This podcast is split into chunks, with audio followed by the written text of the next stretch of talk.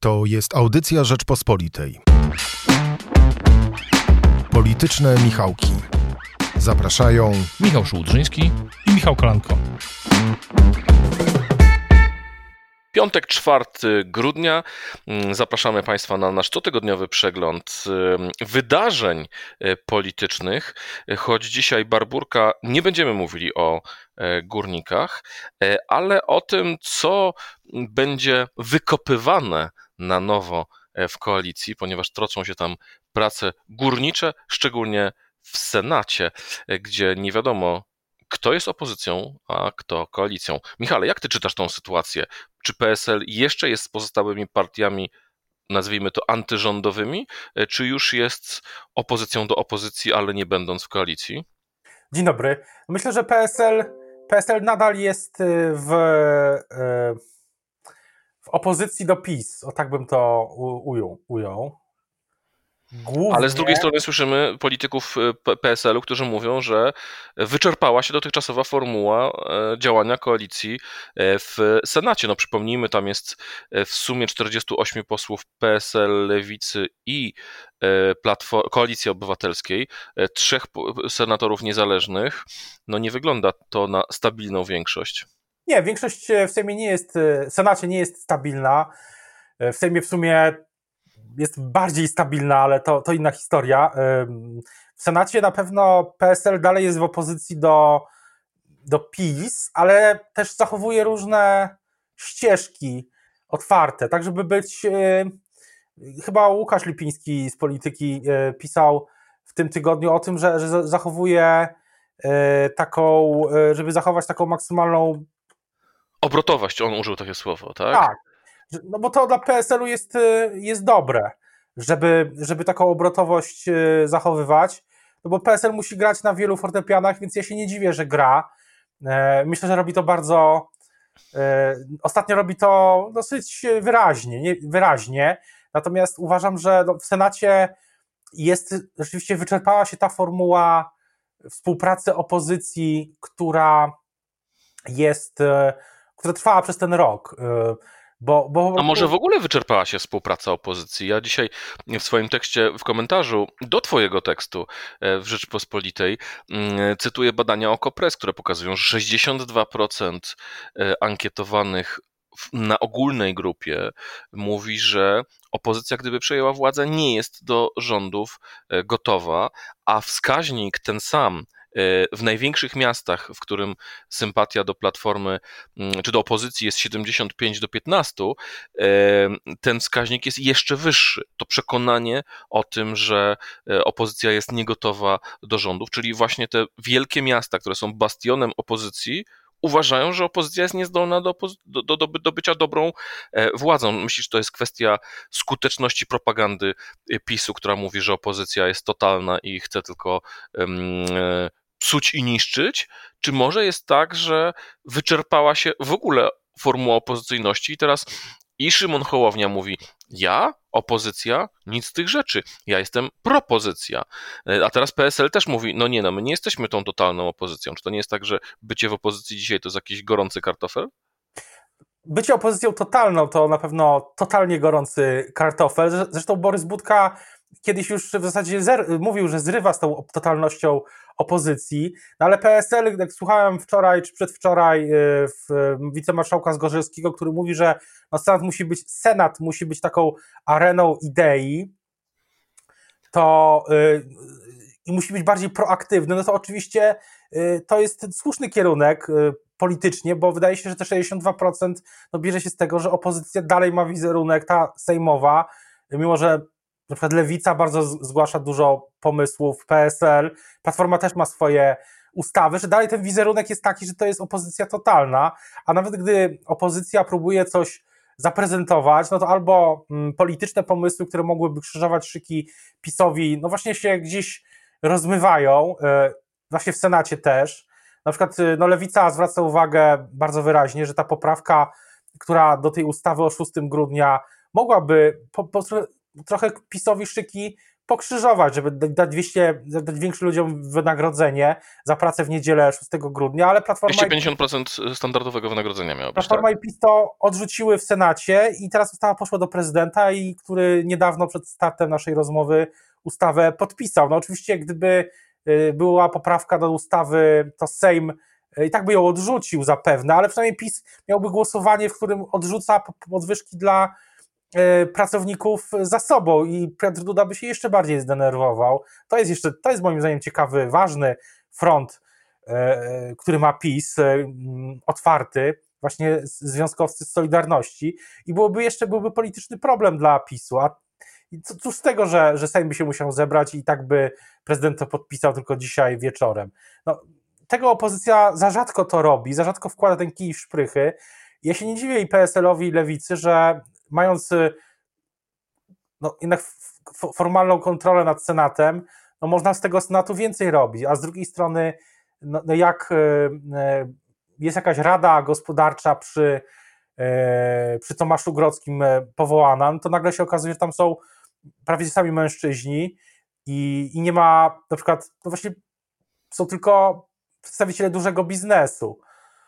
No i ja się z tego, co słyszałem, no to w Senacie no, były ogromne kontrowersje wokół tej rady, zwłaszcza ze względu na jej skład. No, rok strajku kobiet i wszyscy, i nagle w tej radzie jest jedna kobieta, o której zresztą chyba nawet w pierwszym wpisie na Twitterze Senat nie poinformował. Więc no trochę, trochę brak wyczucia, tak się wydaje, ze strony y, marszałka. To prawda, szczególnie, że y, mnie zaskoczyło w tej, bo sam pomysł y, po powołania rady, wydaje mi się, rady gospodarczej jest, jest mm, no, chyba niezły, prawda? I można to z tego było zrobić um, rzeczywiście sukces, um, a tymczasem, no, z jednej strony trochę to przeszło bez echa, a, a z drugiej strony, no, lewica była rzeczywiście zawiedziona tym, że są tam um, ludzie, ludzie, ludzie biznesu. Tylko, no i... że tylko są, no bo można by mieć dużo bardziej zdywersyfikowany skład takiej rady.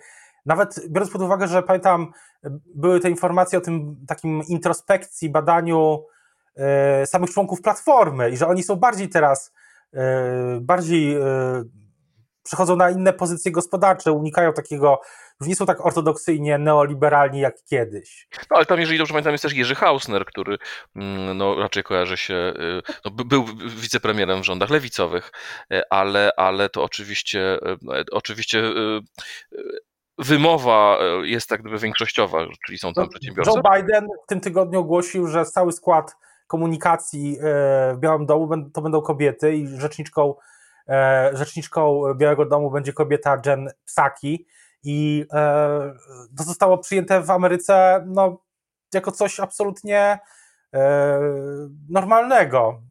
I Joe Biden, przypominam, będzie najstarszym prezydentem Stanów Zjednoczonych, gdy obejmie władzę, więc to nie jest też kwestia pokoleniowa, tylko no, kwestia woli po prostu.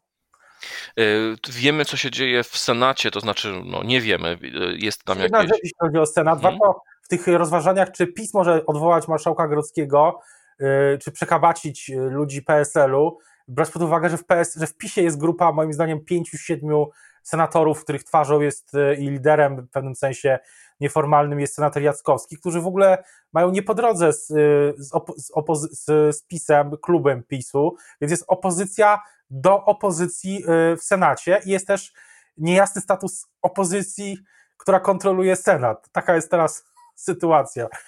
Nie wiadomo do końca mm, o co chodzi, więc jeśli Senat na przykład PiS chciałby, no nie wiem, Rzecznika Praw Obywatelskich razem z PSL-em e, PSL-em e, przegłosować, no to nie wiadomo nawet, czy sam PiS ma do tego większość, już nie wspominając o, o PSL-u. No, sytuacja senatora Jackowskiego jest taka, że jeżeli dobrze pamiętam, jest on mm, senatorem z Ciechanowa, gdzie miał bardzo wysokie poparcie mm, i zawsze był popierany przez media związane z ojcem Tadeuszem Rydzykiem. Myślę, że nawet gdyby wystąpił z Prawa i Sprawiedliwości, e, PiSowi ciężko byłoby wystawić kandydata, który by pokonał Jackowskiego. Co więcej, gdyby wystawił kandydata partyjnego kontra Jackowski, kontra senator Jackowski w 2023 albo wcześniej, to mogłyby się podzielić głosy bazy PiSu i wygrałby tam kandydat opozycji. E, takie tak, to było kiedyś, tak, to było kiedyś, jeżeli dobrze pamiętam, z Romanem e, Giertychem, który startował um, i był drugi kandydat, a w, wygrał dzięki temu Konstanty Radziwiłł jako, jako, jako senator. Tak, no, te Jowy, Jowy mają swoją specyfikę i PiS doskonale sobie zdaje o tym z tego sprawę. Myślę, że ta sytuacja w Senacie no, jest bardzo skomplikowana i na pewno w przyszłym tygodniu e, będzie, będą kolejne, e, myślę, że kolejne E, postaram się ją dalej mm, opisywać, bo z tego co słyszę, no są kolejne, były już tam kilka osób po moim tekście się odzywało i będą kolejne informacje, jak to w praktyce wygląda, bo rzeczywistość no jest, na pewno już jakby etap się zakończył, takiej radosnej, mm, nazwijmy to, kontroli, znaczy takiego, nie wiem, miesiąc, rok miodowy marszałka Grodzkiego się definitywnie zakończył i teraz i Lewica i PSL no, będą działać w Senacie po prostu inaczej. E, jak jeszcze wygląda sytuacja Twoim zdaniem? Zatrzymamy się na chwilkę przy samej największej partii opozycyjnej, czyli Platformie czy Koalicji Obywatelskiej, bo widać coraz wyraźniej, że budując swoje zaplecze doradcze, marszałek Grocki e, buduje też siebie e, politycznie. E, z drugiej strony mamy mm, Borysa Budkę, z trzeciej strony mamy Cezarego mm, Tomczyka, z czwartej strony mamy jeszcze mm, prezydenta Warszawy Rafała Trzaskowskiego i jego ruch, jak ktoś złośliwie zauważył na Twitterze, główną aktywnością ruchu Rafała Trzaskowskiego jest podawanie dalej e, jego wpisów na Twitterze. Ale jeszcze do tego mamy Grzegorza Schetynę, który co jakiś czas e, wychodzi mm, z wywiadem czy z wypowiedzią, która e, no, wydaje się, że przede wszystkim jest szpilą w obecne kierownictwo Platformy Obywatelskiej. Co się tam dzieje? Myślę, że Platforma jest przed cały czas trwa taki proces Mm, nazwijmy to, po, po, tym jak Borys Budka został szefem Platformy w tym roku, to na pewno to było najważniejsze polityczne wydarzenie w Platformie. Poza drugie to była oczywiście kampania Rafała Trzaskowskiego, jego wynik. Trzecie wcześniej to wspomniana sukces e, Paktu Senackiego i e, marszałek Grodzki jako marszałek Senatu.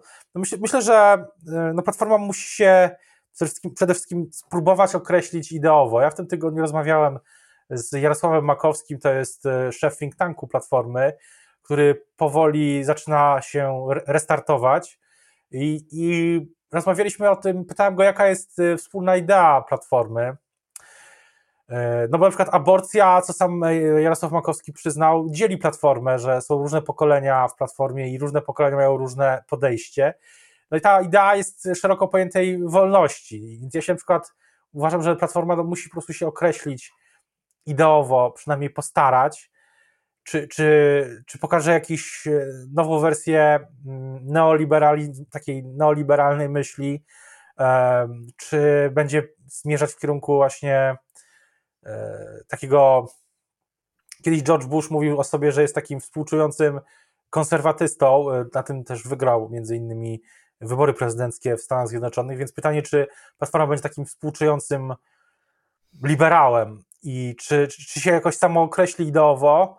I myślę, że jeśli tak się nie stanie, jeśli to dalej będzie taka, mm, dalej to, to dalej będzie wyglądało tak, jak teraz wygląda, to, to w pewnym momencie platformę no, czeka dekompozycja, być może w przyszłym roku, jakaś szersza rekonfiguracja opozycji. E, to, to jest kwestia, myślę, najbliższych miesięcy się to może rozstrzygnąć. Michale, zadałem Ci pytanie przed chwilą, kto, czy to pytanie sprowadzało się do tego, jeżeli słyszysz e, polityka który polityk z Platformy jest głosem Platformy, czy Grocki, Schetyna, czy pozostali politycy, których wymieniliśmy. Ale teraz zmieńmy na moment temat, wróćmy do, czy przejdźmy do e, partii rządzącej. Kto wypowiada się w imieniu e, PiSu, gdy mówi o szczycie e, Unii Europejskiej? Ryszard Terlecki, który mówi, że trzeba za wszelką cenę uniknąć weta. Jarosław Gowin, który mówi, że weto i prowizorium budżetowe byłoby katastrofą dla polskiej gospodarki. Zbigniew Ziobro, który mówi weto albo śmierć i szykuje mm, konferencję. Właściwie co dwa dni on lub politycy jego partii mają konferencje dotyczące tego, że zgoda na unijny budżet z mechanizmem warunkowości to oddanie polskiej suwerenności. Czy premier Morawiecki, który mówi raz tak, raz tak? Myślę, że głosem PiSu jest Jarosław e, Kaczyński i e, też e, premier Morawiecki. Od dawna nie słyszeliśmy głosu Jarosława Kaczyńskiego innego niż z trybuny sejmowej, taka drobna złośliwość, ale z tego co ja słyszę z Nowogrodzkiej, to, to będzie jakaś będzie jakiś przekaz polityczny, zapewne w jakiejś bardziej takiej E, no, w jakiejś formie będzie przekaz polityczny, nie w formie kolejnego przemówienia, e, tylko taki normalny przekaz polityczny e, dotyczący właśnie sytuacji Zjednoczonej Prawicy. No i tego, że mm, sytuacji premiera Morawieckiego i innych ważnych spraw, bo Jarosław Kaczyński w ostatnim swoim wywiadzie no, mówił, że liczy na to, że cały ten system zadziała do końca kadencji, no ale nie jest do końca taki był przekaz, nie jest do końca przekonany.